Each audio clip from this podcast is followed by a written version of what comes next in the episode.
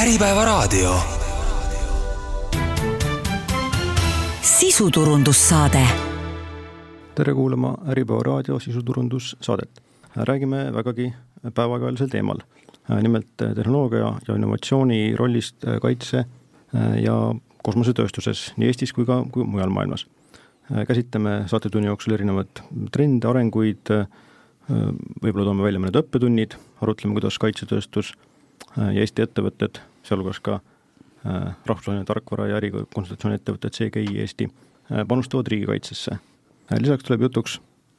millist rolli selle juures kannab EKTL ehk siis Eesti Kaitse- ja Kosmosetööstuse Liit, mis arendab koostööd ettevõtetega ja nendevahelist suhtlust. stuudios on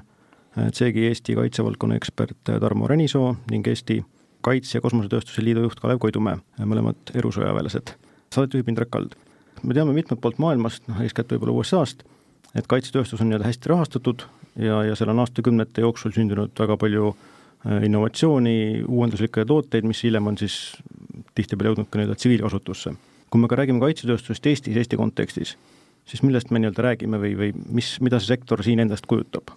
Eesti Kaitse- Kosmosetööstuse Liit siis on nii-öelda katusorganisatsioon ettevõtetele, kes siis toodavad või pakuvad kaitsejulgeoleku valdkonna teenuseid. me selles suhtes koondame neid ettevõtteid, seisame nende ettevõtete huvide eest, aitame neil ettevõtetel leida siis uusi välisturge ja samuti ka partnereid, kes on huvitatud koostööd tegema Eesti ettevõtetega väljaspool Eestit. kui mõelda näiteks ütleme, kinnisvarafirmade liidu peale või, või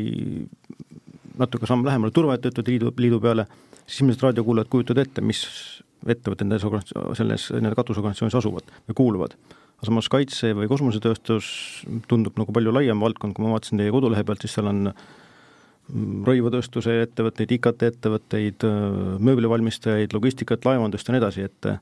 et mis siis on siis see nii-öelda ühine, ühine nimetaja nendel organisatsioonidel või, või kuidas seda nii-öelda ühishuvi nende vahel leida?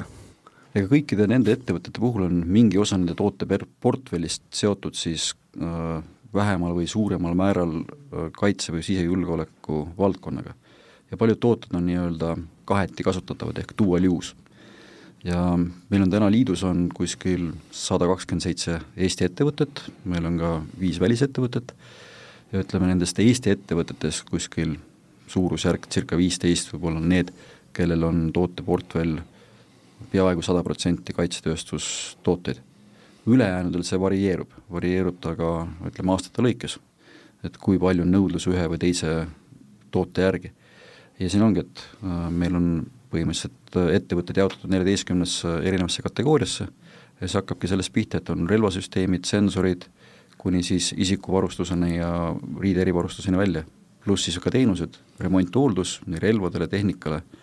et, et selles suhtes on väga lai äh, ampluaa ettevõtted. Kas äh, see nii-öelda aktiivsus on, sõltub ka sellest, et ütleme, kui sa oled nagu puhtalt selles kaitsetööstuses tegev oma äriga, et siis sa oled kuidagi nii-öelda rohkem kaasatud ja kui nii-öelda osa sinu tegevusest puutub sinna, siis sa oled nagu justkui noh, endal ka vähem motivatsioon osaleda või kuidas see käib? ei, ma absoluutselt niimoodi ei ütleks, see sõltub väga palju ka ettevõtte enda, enda huvist, motivatsioonist Äh, ka uusi asju võib-olla testida ja eksperimenteerida ja paljud ettevõtted, kes on ka liitunud, on ka suurendanud oma kaitsetööstuse teenuste, toodete valdkonda. Ja see ongi see, et kuna täna nii-öelda see tehnoloogiline spinn kaitsetööstusvaldkonnas areneb väga kiiresti, et ka see on see väljakutsed ettevõtetele või need ka uued probleemid, mis on tulnud, et leida neile lahendusi, sest et ühte või teistpidi need äh, tehnoloogilised arengud täna, mis on Äh, kaitse- ja sõjandusvaldkonnas, siis ka mingi aeg liiguvad üle, osad nendest kindlasti, ka tsiviilsektorisse, tsiviiltehnoloogiatesse. nii et äh, siin ei saa nagu tuua mingi kindlat, kindlat mustrit või paralleeli, et no siin ettevõtluse poole pealt ja tehnoloogia valdkonnast nagu eelkõige, et Kalev tabavalt tõi selle näite, et on tooted-teenused, võimalused välja arendatud, mida saab kasutada tsiviilmaailmas ja, ja võib-olla siin enda poolt esitatud ettevõttest, siis CGI Eestist, no toome lihtsalt näite, et noh, olles vaieldamatult Eesti kõige suurem kosmosevaldkondlik ettevõte sealhulgas, siis puhtalt satelliidipiltidelt või satelliitidelt kogutavatelt andmetelt on võimalik näiteks hinnata rohemassi. Kas põld on niidetud, kas põld on küntud, kui suur see põld on, milline on metsamassiiv, millised puud seal on, kas on okas- või lehtpuud, millised nendest puudest ja millises mahus on näiteks üraskikahjudega ja see on nagu lihtne selline mm, tsiviilelus või ütleme, tavaelus, küll mõneti spetsiifiliselt, aga nagu vajalik valdkond, milleks ei pea olema kahtekümmend või kahtesadat inimest tööl, kes sõidab kuhugi autoga, teeb mingi pildi, tuleb tagasi, kirjutab mingi ettekande, seda on kõik võimalik täna teha puhtalt automatiseerituna satelliitandmete põhjal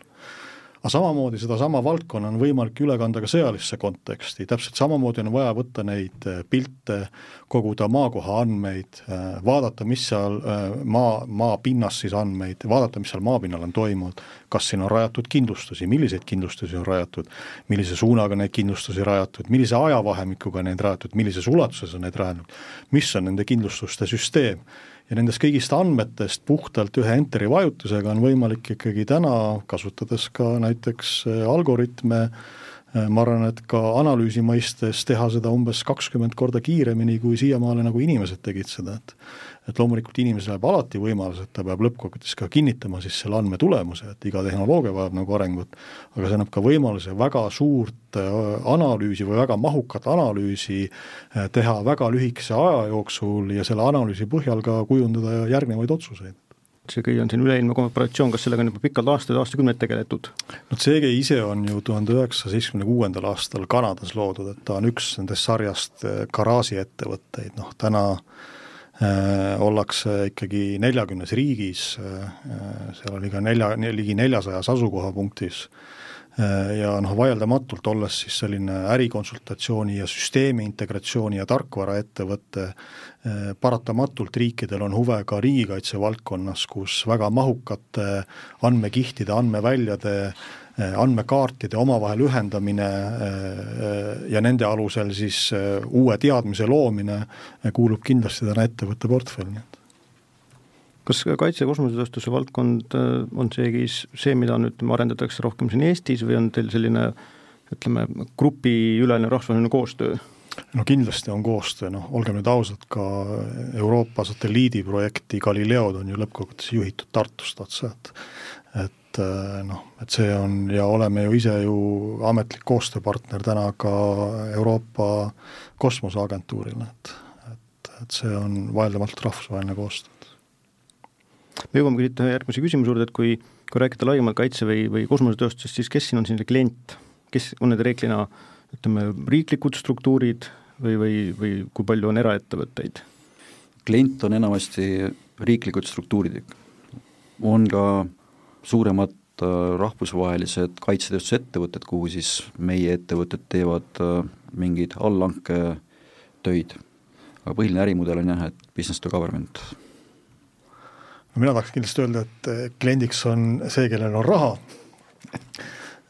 mis on natuke pragmaatiline ütlus, aga noh, vaieldamatult täna niivõrd spetsiifilistele toodetele täna reeglina on ikkagi äh, noh, tuleme siiasamasse, meie lähipiirkonna kontekst on ikkagi, riik on täna see, kes on kliendiks. ja millised need kliendid on, kas nad nii-öelda ise, ise küsivad innovatsiooni või tuleb hoopis need igasugused uuendused nagu nii-öelda maha müüa kliendile, ära seletada, miks tal on seda vaja? no väga tihti, vaat see suhtlus ongi noh, näiteks CGI puhul, et me oleme konsultatsiooniettevõte, et tuleb kliendiga suhelda, aru saamaks, eks ole, ma ei tahaks nimetada, et probleem, et võib-olla see on mõneti natuke jõuline, aga, aga saada aru, et mis olukorras nagu klient on ja selle olukorra põhjalt siis disainida võimalik nagu lahendus ja pakkuda välja see lahendus, et et, et juhul, kui asju teha sellisel moel, sellisel kujul, eh, sellise liidestusega, pannes sinna juurde veel sellised andmeväljad, on sul võimalik näiteks sellises ajaperspektiivis äh, olla säästlikum, olla efektiivsem äh,, ja olla turul nagu konkurentsivõimelisem, et, et see on nagu selline nagu kontekst, mismoodi ikkagi toimub selline terviklahendus. ja CGI puhul noh, väga ühemõtteliselt on oluline, mida ka ettevõte kogu aeg mõõdab, on ikkagi kliendi rahulolu hinnang, et et sellest kõik algab ja sellega kõik lõpevad, kõik projektid. meie liidu ettevõtted ütleme, taustal võib öelda, et ega keegi lattu asju ei tooda ja see tootearendus on ikka paljuski koostöös äh, lõppkasutajaga, et kliendil võib olla ka alguses, et üks visioon sellest tootest või teenusest, mis ta soovib, aga samas ettevõte on nagu teadlik jälle, mis on nagu need tulevikutrendid, et üks asi, mis see aeg ja ruum täna me näeme, aga ettevõte oskab soovitada, et kui me selle toote või teenuse pakume, et mis tuleb turule juba siin järgnevate aastate jooksul, et milleks peab siis valmis olema, on need erinevad nõuded või, või mingi muud kriteeriumid? see Kaitse- ja Kosmosetööstuse Liit nüüdse nimega on tegutsenud Eestis vist mituteist aastat. neliteist. et kuidas see liigu, liidu ütleme, liikmete hulk ja nende selline võimekus on ajas, ajas muutunud või kasvanud? ütleme, kui mõelda aastatele siin, ma ei tea, kui palju teil endal ajalugu sellega seoses on, ütleme viis aastat tagasi või kümme või see päris algusaeg, et kui, kui palju me oleme nagu edasi liikunud liiduna ja nende ettevõtete kogumina? Jah, ütleme liit ju loodi aastal kaks tuhat üheksa veebruaris ja lühidalt öelda, et võib-olla niisuguselt äh, raua pealt on liigutud rohkem tehnoloogia peale. kui algselt olid võib-olla niisugused remondihoolduse teenused, relvasüsteemide mingid lahendused, natuke oli võib-olla siin IT-tuge, siis täna on äh, väga palju liigutud ikka tehnoloogilise toote suunas. Ja eesmärk ongi ka see, et äh, ettevõtted toodaksid niisuguse kõrgema lõppväärtusega tooteid. Milliste teiste Eesti eriala, erialaliitudega see Kaitse- ja Kosmosetööstuse Liit nii-öelda kõige enam mingeid ühiseid kokkupuutepunkte omab, kas see on näiteks ITL, IKT ettevõtete liit või mingi elektroonikatööstus või, või neid erialiite on ju palju? jah, need, need nimetatud liidud, samuti Masinatööstusliit, et ega ka meie ettevõtted äh,, nii nagu ma ütlesin, et üks osa nende portfellist on kaitsetööstus, et nad kuuluvad ka ise mitmetesse erialaliitudesse. Ja ma arvan, et see tervikuna nagu ka rikastab nii-öelda neid ettevõtteid mitmest valdkonnast, et mis me liidu poolt pakume ju ettevõtetele, pakume ka nüüd kaitsevaldkonna niisugusi teadmisi, koolitusi, natuke spetsiifilisemad, mis selles valdkonnas tervikuna toimub, millised on Eesti riigikaitselised pikaajalised plaanid, mis on need trendid, kuhu suunas võib-olla võimearendused liiguvad, milliseid vahendeid või tooteid Kaitseväe, Kaitsevägi siin äh, kümnendi jooksul vajab, et see aitab ka ühest küljest oma nii-öelda tooteportfelli hakata juba disainima või planeerima selles suunas. ja samuti ka need teised erialaliidud, et äh, on samuti just harivad neid ja, ja toetavad just oma spetsiifilise valdkonna võtmes. ma Kalevi sõnavõtule toetuseks äh, ütlen noh, me nagu Kaleviga esitame, esindame ju täna põlvkonda kes siin kohe üheksakümnendate alguses, kui äh, meie riik oma iseseisvuse taastas, äh, pühendasime ennast selle riigi teenistusse. Noh, mina arvan, et esimesed kakskümmend aastat me ei käinud tööl ja me käisime teenistuses, et see oli nagu selline meie nagu moraalne nagu tipp või kõrghetk ja täna olukorras, kus me ei ole enam tegevteenistuses, noh ega meie missiooniks ongi seda teadmist, kogemust ja, ja mis seal ka salata, seda maksumaksja raha, mis meisse on investeeritud, tagasi anda äh, süsteemile läbi ettevõtluse, toetades ettevõtlust. ja kui seda võtta nagu ettevõtete kontekstis, siis kindlasti Kaitse- ja Kosmosetööstuse Liidus olevad ettevõtted, neil on täna äh, tekkinud täiesti mõõdetav teadlikkus aru saada, milline on valdkondlik probleem või väljakutse ja vastavalt siis sellele väljakutsele ka äh, pakkuda lahendust, äh, mida mingi hetk on vaja disainida ja mingi hetk on vaja hakata tootestama. ja tootestamiseks arusaadavalt sul peab tekkima ka väga erinevate ettevõtete vaheline koostöö sul on vaja, eks ole, äh, võib-olla seal tarkvaralist lahendust, mis võib tulla ITL-i poolt, sul võib tulla masinatööstuse mehaanilist lahendust, mis tuleb selle valdkondliku ettevõtete poolt, elektroonikakomponente võib tulla teise ettevõtete poolt ja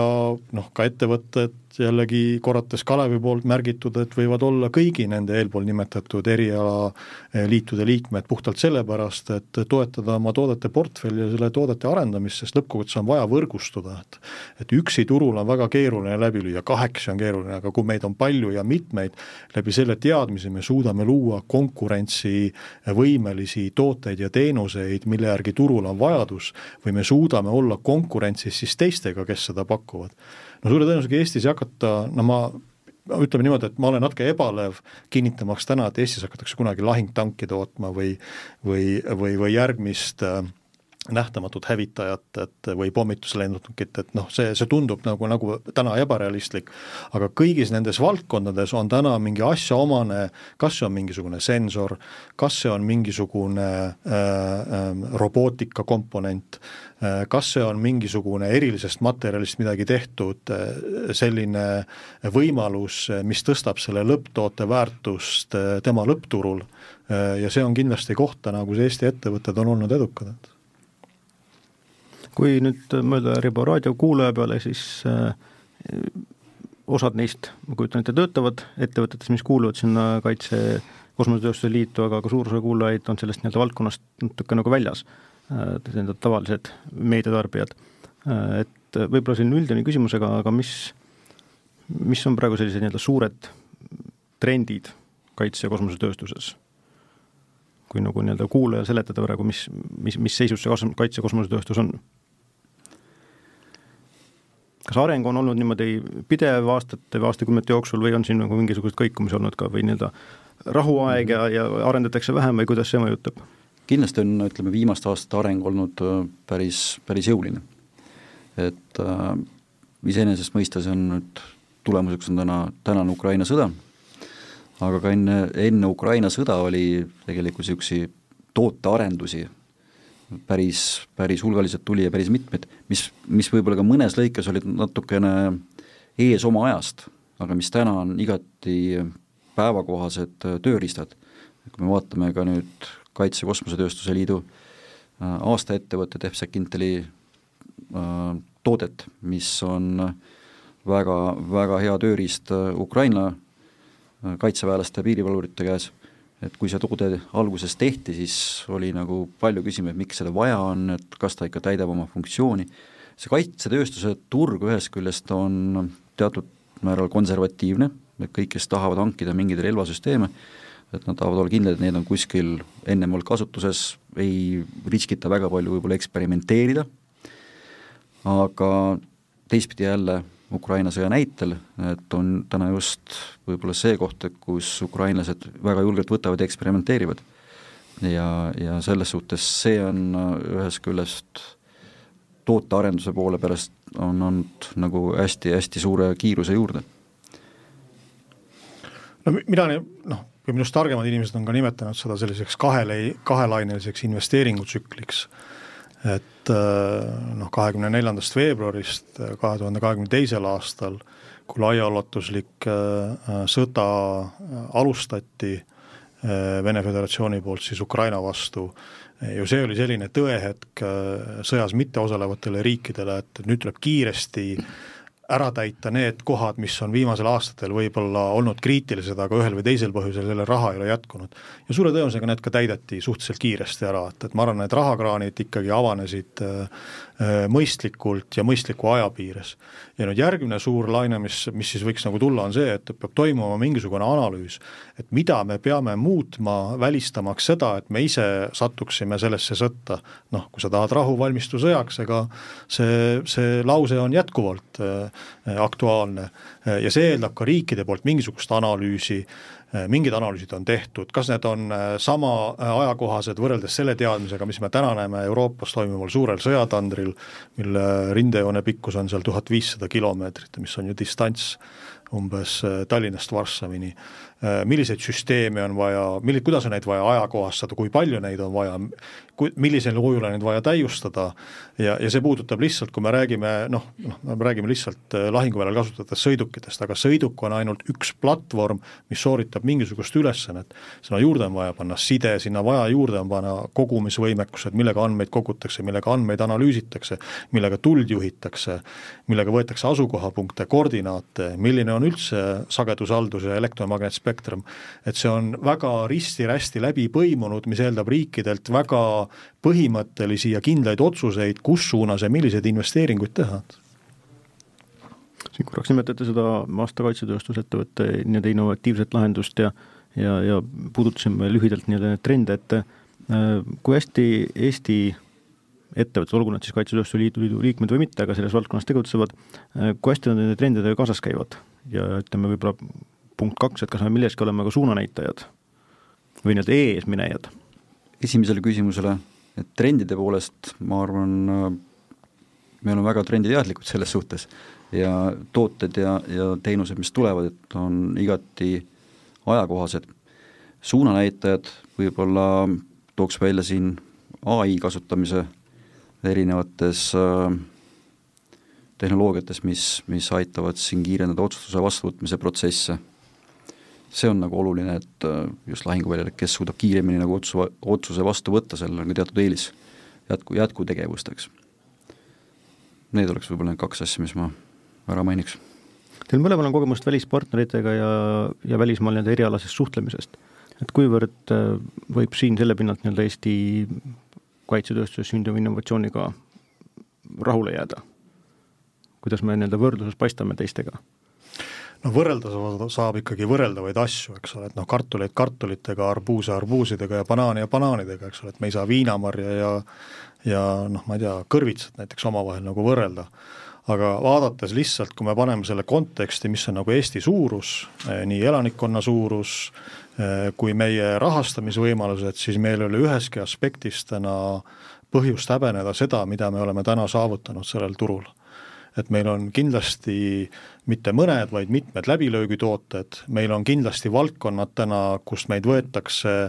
noh, kui mitte võrdne või võrdsega, siis meid võetakse kui valdkondlikke eksperte, eh, kellele sõnal on ka selles mõttes nagu kaalu, mida on ka võimalik eh, mõnes teises kontekstis igal juhul eh, korrata või esile tuua, et, et, et see on kindlasti see teadmine, mis täna ettevõtetes on. ja mõista ka tuleb täna seda, et ettevõtted, tootevaldkonnad, relvasüsteemid või mis iganes moel sõjategevust toetavad või otseselt kasutatavad lahendused, mis ei saa referentsi täna Ukrainas toimuval, nendel on järgneval paaril aastal väga keeruline olla turukonkurentsis.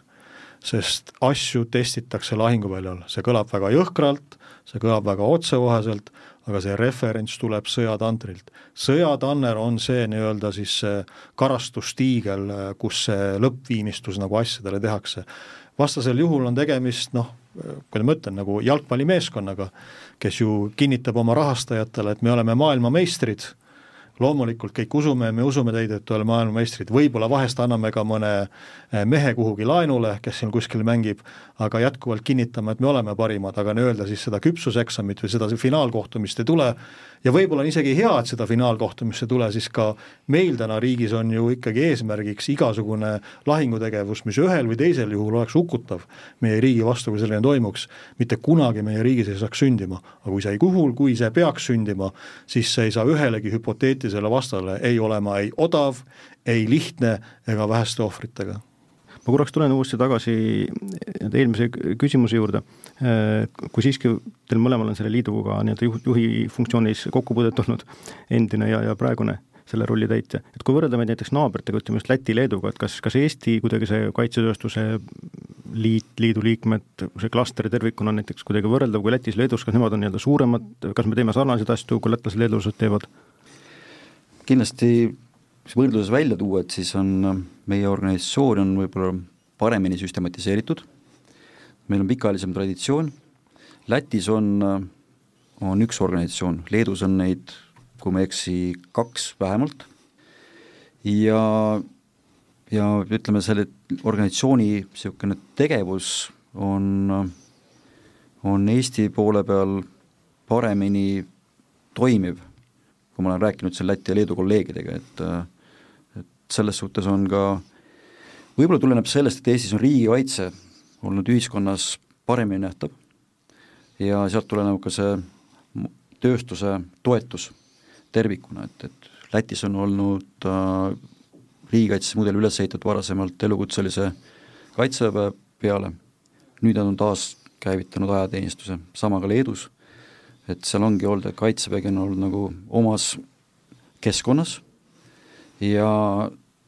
ta on tulnud rohkem pilti siin peale kahe tuhande neljateist, neljateistkümnendat aastat. et meil on organisatsioon olnud neliteist aastat ja ta on, on olnud aega, et selle organisatsiooni kultuuri välja arendada, organisatsioon on kasvanud, ettevõtted teavad, millised on meie väärtused, et selles suhtes on meil, me oleme nendest ees oma organisatsiooni poole pealt, Tarmo ma ma arvan, Kalev tõi just selle võtmesõna esile täna, et, et, et selle riikides viljeletud äh, kaitseväe ülesehitus, kus siis kahes eelpool nimetatud või meist kahes lõuna pool olevas riigis ikkagi oli ju äh, pigem elukutselise armeele üles ehitatud riigikaitselahendus ja Eestis äh, läbi noh, ütleme iseseisvuse taastamisest, kui ka Kaitsevägi taastati, see oli ikkagi ju reserv, reservarmee. mm põhimõte. Ja üks selle põhimõtte selliseks punaseks jooneks on alati olnud see, et, et riigikaitse või kaitsevägi äh, peab olema läbiv osa äh, ühiskonnast, et see kaitsetahe on ju lõppkokkuvõttes see, mida me mõõdame ja lõpuks me mõõdame ka läbi nende samade äh, reservväelaste Äh, nende poiste ja tüdrukute, äh, kes siis tulevad ajateenistusse, noh tänapäeval tuleb poisse rohkem kui tüdrukuid, läbi nende toetavate struktuuride ja sõdivate struktuuride, kes on vabatahtlikkuse alusel, eelkõige siis ju täna Kaitseliidus, ja see on kindlasti täna andnud ka Eestile selle eelise, et kui kaks tuhat üheksa Eesti Kaitse- ja Kosmosetööstuse Liit loodi, noh tollel ajal veel Eesti Kaitsetööstuse Liidu nime all, äh, siis oli mõistetav see, et meil on vaja paika panna selline äh, läbisaamisraamistik, et mismoodi ettevõtjad võiksid äh, riigikaitsesüsteemis olevate vormikandjate või mitte vormikandjatega omavahel nagu suhelda. ja ma arvan, et väga suur läbilöök sellest oli kahe tuhande neljateistkümnendal aastal ja siin on väga Äh,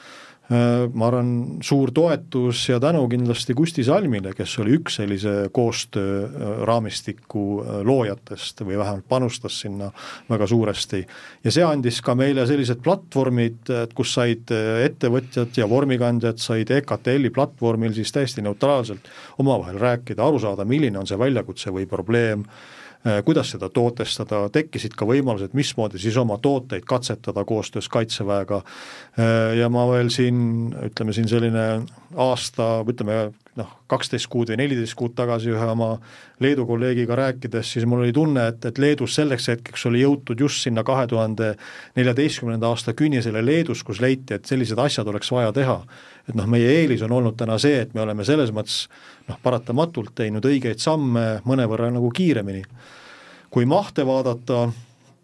noh, ma arvan, et äh, Läti on meist siin pea poole või kuuesaja tuhande inimese võrra suurem, tõsi, nende eelarve küll vist jääb samasse suurusjärku kui Eestis, et et ju seal Maksuamet peab hoolikamat tööd teha, aga noh, Leedu majandus on Eesti omast ikkagi peaaegu kolm korda suurem. et ma arvan, et ka, et need turumahud lõppkokkuvõttes mõjutavad seda, et, et kui palju ettevõtteid on ja kui palju tooteid seal luua, suudetakse luua, sest lihtsalt see rahastamine on, on, on lõppkokkuvõttes ka äh, toodete loomisel äärmiselt oluline, et sa, sa saadet alustades rääkisid, et on hästi rahastatud, ma võib-olla päris sellist sõna ei kasutataks, ma arvan, et kaitsevaldkonnas veel rahastamisega on veel äh, pikk tee minna et, et, et see valdkondlik oleks sellisel moel rahastatud, et ka seda tootmisvõimekust, millest täna ju üks artikkel teise järel, ma olen see vähemalt sellel nädalal lugenud erinevatest meediakandjatest, on täna väljakutse kaitsetööstussektorile. tellimus on, ütleme niimoodi, tellimust ei ole, aga vajadus turul on. et kui riigid esitaksid tellimusi ettevõtetele ja ma ei räägi täna Eesti riigist, võib-olla ka Eesti konteksti oleks see ülekantav, siis tekiks ka ettevõttel võimalus seda nii-öelda siis monetariseerida, kui kantseliitlikult ka see ei kõla, ja vastavalt sellele ka oma tööstuslikku kapatsiteeti üles kasvatada, noh, Ameerika Ühendriikides see on võib-olla lihtne, seal ikkagi föderaalseadus annab ka presidendile sellise blankoveksli äh, kohustada ettevõtteid midagi tegema, aga tõsi, ka seal tulevad mingi hetk piirid ette, et kui palju riik nagu siin Eesti näitas nii-öelda seda innovatsiooni nagu nii-öelda ähm, soosib või tõmbab, et noh, hanke puhul tihtipeale ju me ei räägi konkreetselt sellest valdkonnast, aga laiemalt hange kui selline noh, sõltub küll kriteeriumitest, aga ikka vaadatakse nii-öelda hinda. aga nagu alati hinnaga nagu seda nii-öelda kõige paremat toodet ei saa pakkuda või kõige paremat funktsionaalsust, kui palju nagu riik on see, kes nagu nii-öelda hangete kaudu seda innovatsiooni suunab ka või kas ta on kuidagi hakanud paranema? No kunagi oli ütlus, et, et, et hanke eesmärgiks on saada parim lahendus, noh ja väga tihti viidatakse selle, et, et võitis kõige odavam, noh see loomulikult sõltub siis, et see nii-öelda lõpphind, kui palju punkte selles hankes antas, hankes andis, aga ma ise arvan, et hangetel võidavad need pakkumised, mis saavad kõige rohkem punkte et võib-olla siis hind on seal kaheksakümmend protsenti ja kõik ülejäänud on kakskümmend protsenti ja see on täiesti hüpoteetiline konstruktsioon, mis ei ole seotud ühegi kaitsevaldkonna hankega, mis täna Eestis läbi viiakse. et ma arvan, see on aga väga suur kriteerium. Eesti on ju täna olukorras, kus turg on üle kuumenenud, äh, kaitsetööstusturg, kus kõigil on midagi vaja, ka nendes riikides, kus midagi toodetakse, äh, hinnad on läinud paratamatult üles, kuna turul on suurem nõudlus, kui suudetakse toota, ja, ja mida Eestil on ka vaja, et Eesti ju hangib täna mõistliku hinnaga kiiresti kättesaadavaid lahendusi. et me ei pea võtma äh, mõistlikult odavat lahendust, mis on meile kättesaadav kümne aasta pärast, et, et meil on vaja seda nagu oluliselt kiiremini ja see on selline kompromissi koht,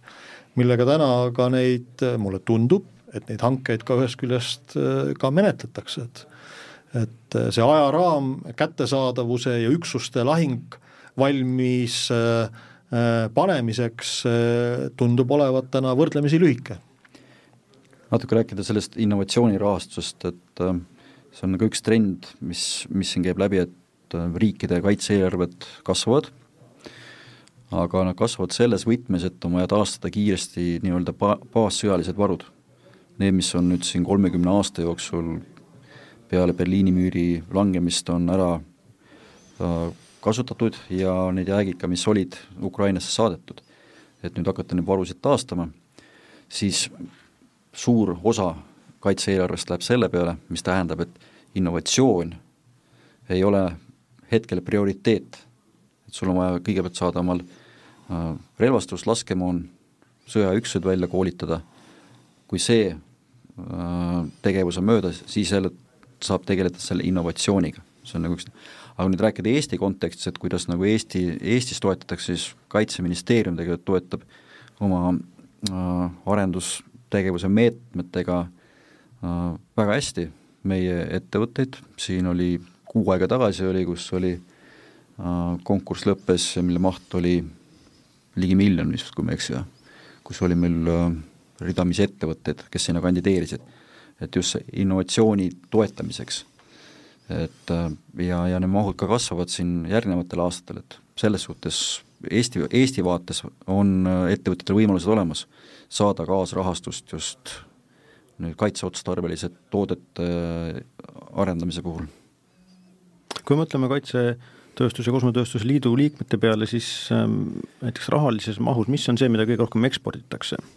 teistesse riikidesse teie liidu liikmete poolt? Seda, seda, mida nad ekspordivad, on, on keeruline öelda rahalises mahus. praegult just paneme kokku kahekümne teise aasta kaitse- ja julgeolekuvaldkonna sektori äh, majandusnäitajate analüüsi, et käibe, käive on kasvanud siin neli, neli viiskümmend protsenti ja eksport on kasvanud üle kuuekümne protsendi, et see oli kuskil suurusjärk sada kuuskümmend miljonit vist. No tuleb ka aru saada, et, et see on ju litsentsikaup täna. Äh,, lõppkokkuvõttes on ka ju Välisministeeriumi haldusalas, haldusalas on strateegilise kauba komisjon, kes siis annab ka ekspordiloa nende asjade tegemiseks, äh, väga paljudel juhtudel on tegemist valdkonnaga, millest pressiteadet ei tee ja hõiskamist ei saa esile kutsuda, äh, ja parimal juhul kuskil avalikul, avalikest allikatest sa leiad pildi, et keegi kasutab Eesti toodet. Siin ka Ukraina näitel on ju neid juhtumeid olnud rohkem kui mõned et noh, see on lihtsalt see kontekst, eks ole, mis ei anna ka Kalevile võimalust täna ju kogu nomenklatuuri ette panna. aga kui me võtame selle lahingutegevuskonteksti, siis üleliia palju me ei pea ju ka ju iseendale nagu äh, sellist äh, umbluude ajama, et, et mis on nagu see, äh, mis seal lahinguväljal täna kõnetab ja iga päev me loeme artikleid, äh, millest lahinguväljal puudust tuntakse, et, et ega noh, see panebki selle konteksti kokku aga mis on äh, selle Kaitsetööstuse Liidu nii-öelda eesmärgid ekspordi osas, olete seadnud mingid plaanid, et me peame umbes mingiks ajaks jõudma mingile tasemele, ma ei tea, miljonites eurodes, protsentides, mingi, mingi nii-öelda raamistik enda jaoks? mis meil kaks tuhat kolm, kolmkümmend jah, see oli vist üle neljasaja, üle neljasaja miljoni miljonit. ja praegu on sada kuuskümmend, kui ma õigesti mäletan. jah, see on eel, eelmise aasta oma, selle ja. aasta kuue kuu numbrid on äh, väga lootustandvad, et me, me läheneme selles, sellele plaani, selle plaani saame kiiremini täis, kui ta algselt oli planeeritud, et no kaitsetööstuspoliitika äh, võeti Vabariigi Valitsuses vastu oktoobri viimasel päeval kahe tuhande kahekümne esimesel aastal, see on siis mhm. Eesti kaitsetööstuspoliitika aastateks kaks tuhat kakskümmend üks kuni kaks tuhat kolmkümmend ja ja see eesmärk oli siis kümnendi lõpuks jõuda seal nelisada pluss äh, miljonini äh, ja ma arvan, et noh, nii kui halvakõlaliselt ka see ei kõla, eks ole, et on vaja suurt sõda, et täita oma ekspordinumbreid, aga noh, paratamatus on paratamatus, eks ole, et, et, et äh, ma arvan, ükskõik milline vastav tegevus täna lõppkokkuvõttes ka toob neid ettevõtteid ja nende tooteid rohkem esile ja, ja turul on vajadus, mida siis ettevõtted suudavad ka rahuldada. selle aasta üks olulisemaid märksõnu maailmas äh,, mitte ainult selles kõnealuses sektoris, on olnud ai ehk tehisintellekt, mida võetakse rohkem kasutusele et kuivõrd see tehisintellekt annab tooni kaitsetööstuses? no hakkame algusest peale selles mõttes, et alati peab ju defineerima, mis asi on see tehisintellekt, eks ole, et et lõppkokkuvõttes eh, on see masinlugemisoskus, millel on väga suured andmebaasid, mille alusel ta siis loob seda oma teadmist, noh, ma püüan nagu kuidagi hästi lihtsalt niisuguse eestikeelsesse lausesse panna siis see, millega on nagu tegemist nüüd kaitsevaldkonnas loomulikult lahingutegevuses toimuv on ju see, et kas üks pool on teisest üle ja millisel moel ta on teisest üle. et, et kui sul on, ma ei tea, üks mees ja teisel pool on, ma ei tea, tuhat meest, siis noh, me ei pea palju mõtlema, et, et kumb, kumma poolest üle on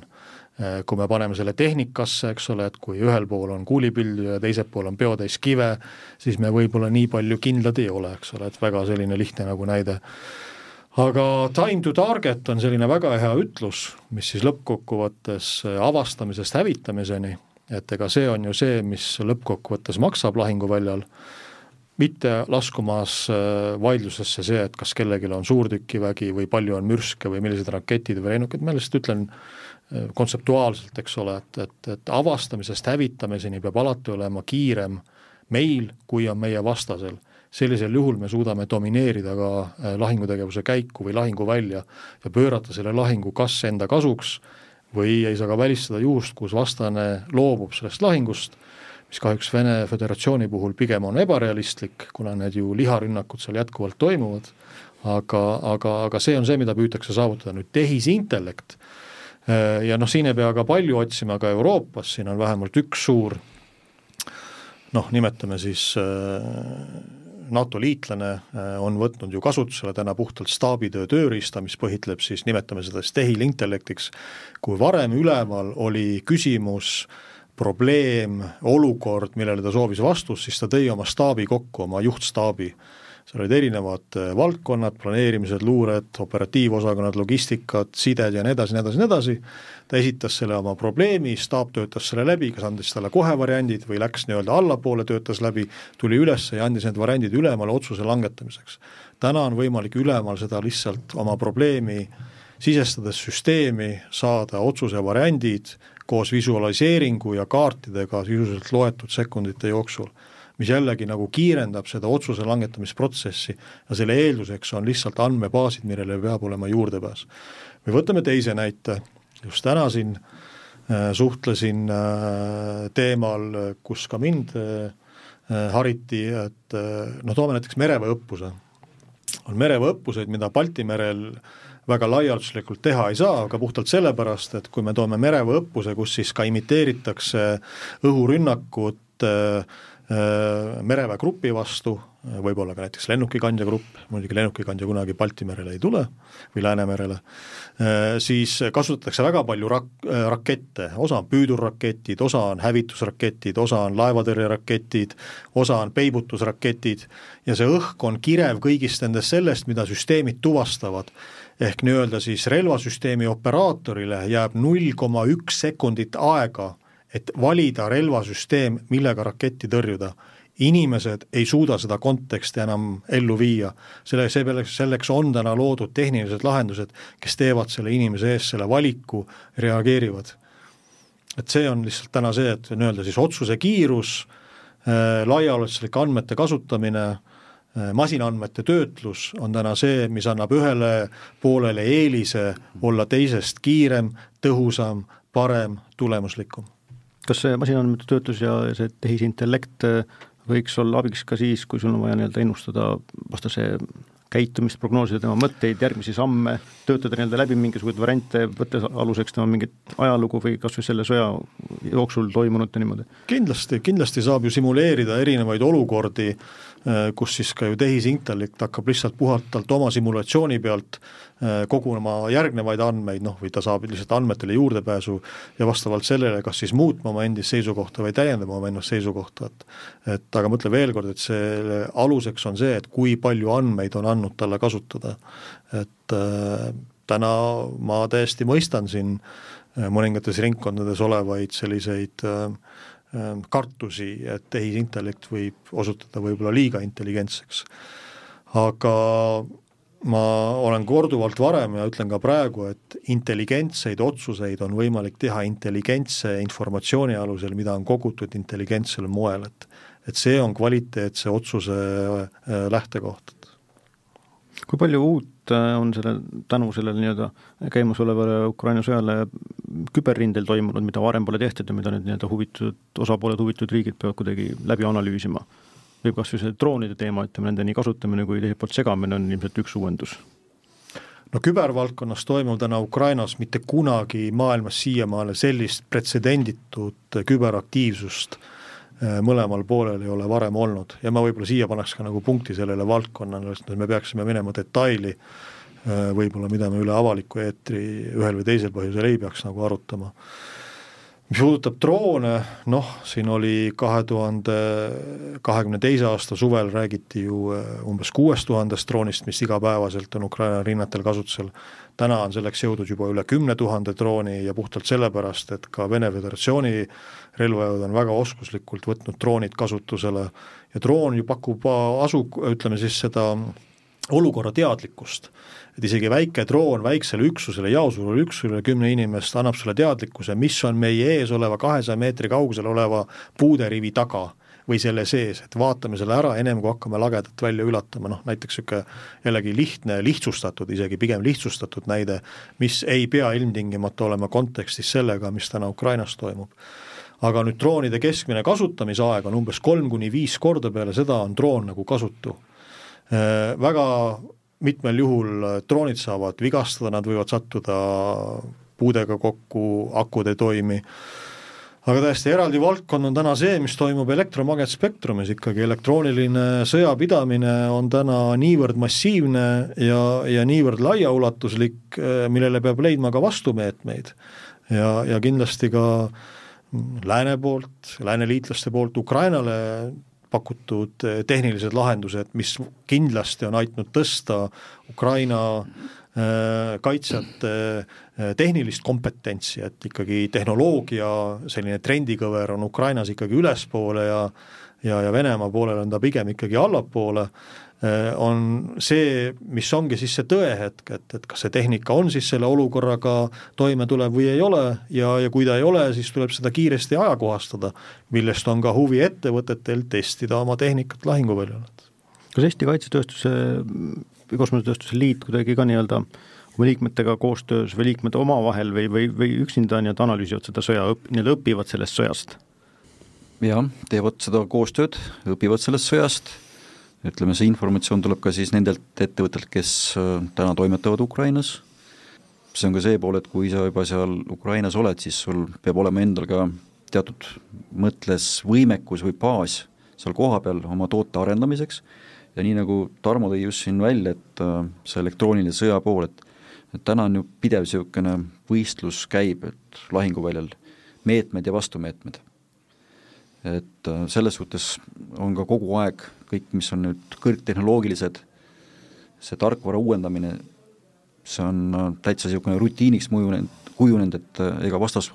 vastasvõistkond kohaneb väga kiiresti kui sa tuledki uue meetmega sinna välja, siis nad väga kiiresti suudavad õppida ja see jälle teistpidi ettevõtetele, kes seal oma toodetega on, paneb nagu selle kohustuse, et, et need tööriistad töötaksid kogu aeg. sul on, ongi avatud nüüd ka Ukrainas seal oma tehased või oma meeskonnad on sinna viidud, et saaks vahetult lõppkasutaja käest selle tagasiside, parendada neid tooteid ja et need tööriistad, mis on, nüüd ukrainlastele üle andnud, et nad täidaksid oma eesmärki. et selles suhtes on nad nagu väga hästi teadlikud, et milline on see keskkond, kuhu need tööriistad peavad sobima, mida nad peavad tegema, millised on need riskid ja kui kiiresti on vaja reageerida. lõpetuseks küsimus, kui, kui rahul te äh, olete sellega, kuidas Eesti ettevõtted panustavad riigikaitsesse? kas see, kas see panus on suurenenud viimaste aastatega? kindlasti on, on, on ta suurenenud ja võib-olla ma ei ütleks, et seda niimoodi, et nüüd vahendite pool, vaid äh, see teadmisega ja suhtumisega, see on nagu esmane, et et äh, ettevõtted, käies ettevõttes, rääkides nendega, siis nad alati ka nüüd mõtlevad seda, et kuidas mina oma ettevõttega saan vajadusel panustada riigi julgeolekusse et mis ma saaksin rohkem teha, et üks asi jah, ma võimaldan oma inimestel, kes on reservväelased, käia reservõppe kogunemistel. teine asi ka see, et äh, need tooted, mis nad teevad, et kuidas kriisi puhul saaks neid tooteid siis kasutada, juurde toota, mis on need ressursiallikad. et, et selles suhtes kõige olulisem ongi see, et niisugune äh, mõttemall on muutunud. mitte nii, et äh, mida ma pean tegema, vaid et mõeldakse seda, kuidas ma saan panustada. no eks ettevõtetel ongi ju, iga ettevõtte eesmärk on ju lõppkokkuvõttes noh, ettevõtte väärtuse kasvatamine, eks ole, et omanikele rikkuse loomist, et aga ma arvan, siin ongi nagu mitu kihti, et et lõppkokkuvõttes sa pead ka seda ettevõtte väärtust kuidagi suutma nagu hoida ja üks osa sellest hoidmisest on see, et kuidas siis sa oma riiki ja oma riigi kaitsesse panustad, see hakkabki nendest äh, reservväelastest, kes sul ettevõttes on. Äh,, kutsun kindlasti üles äh, vähemalt ettevõtete tasandil kaaluma seda mõtet, et säilitada nendele, kes lähevad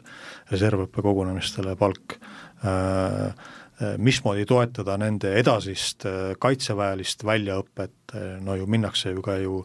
reservohvitseride kursustele ja nii edasi, nii edasi, nii edasi. Ja lõppkokkuvõttes ka see, et, et milline on siis võimalik ettevõtetel panustada äh, otseselt nagu riigikaitsesse, siis läbi selle, mida siis ettevõttest nii-öelda, millist teadmist, oskust või füüsilist toodet selles ettevõttes luuakse, et, et, et ma jätkuvalt olen arvamusel, et et äh, tahaks öelda ju kõik äh,, ütleme, et enamus meie ettevõtetest kindlasti mõtlevad igapäevaselt selle peale äh, ja kõik mõtlevad vähemalt korra nädalas selle peale, mismoodi oma riigile kasulikud olla. Selle tõdemusega ongi hea tänane sisuturundussaade lõpetada, ütlen uuesti, et stuudios olid endised kaitseväelased, CGI Eesti kaitsevaldkonda ekspert Tarmo Ränisoon ning Eesti Kaitsetööstuse ja Kosmosetööstuse Liidu juht Kalev Koidumäe, saatejuht Indrek Kald, kena päeva!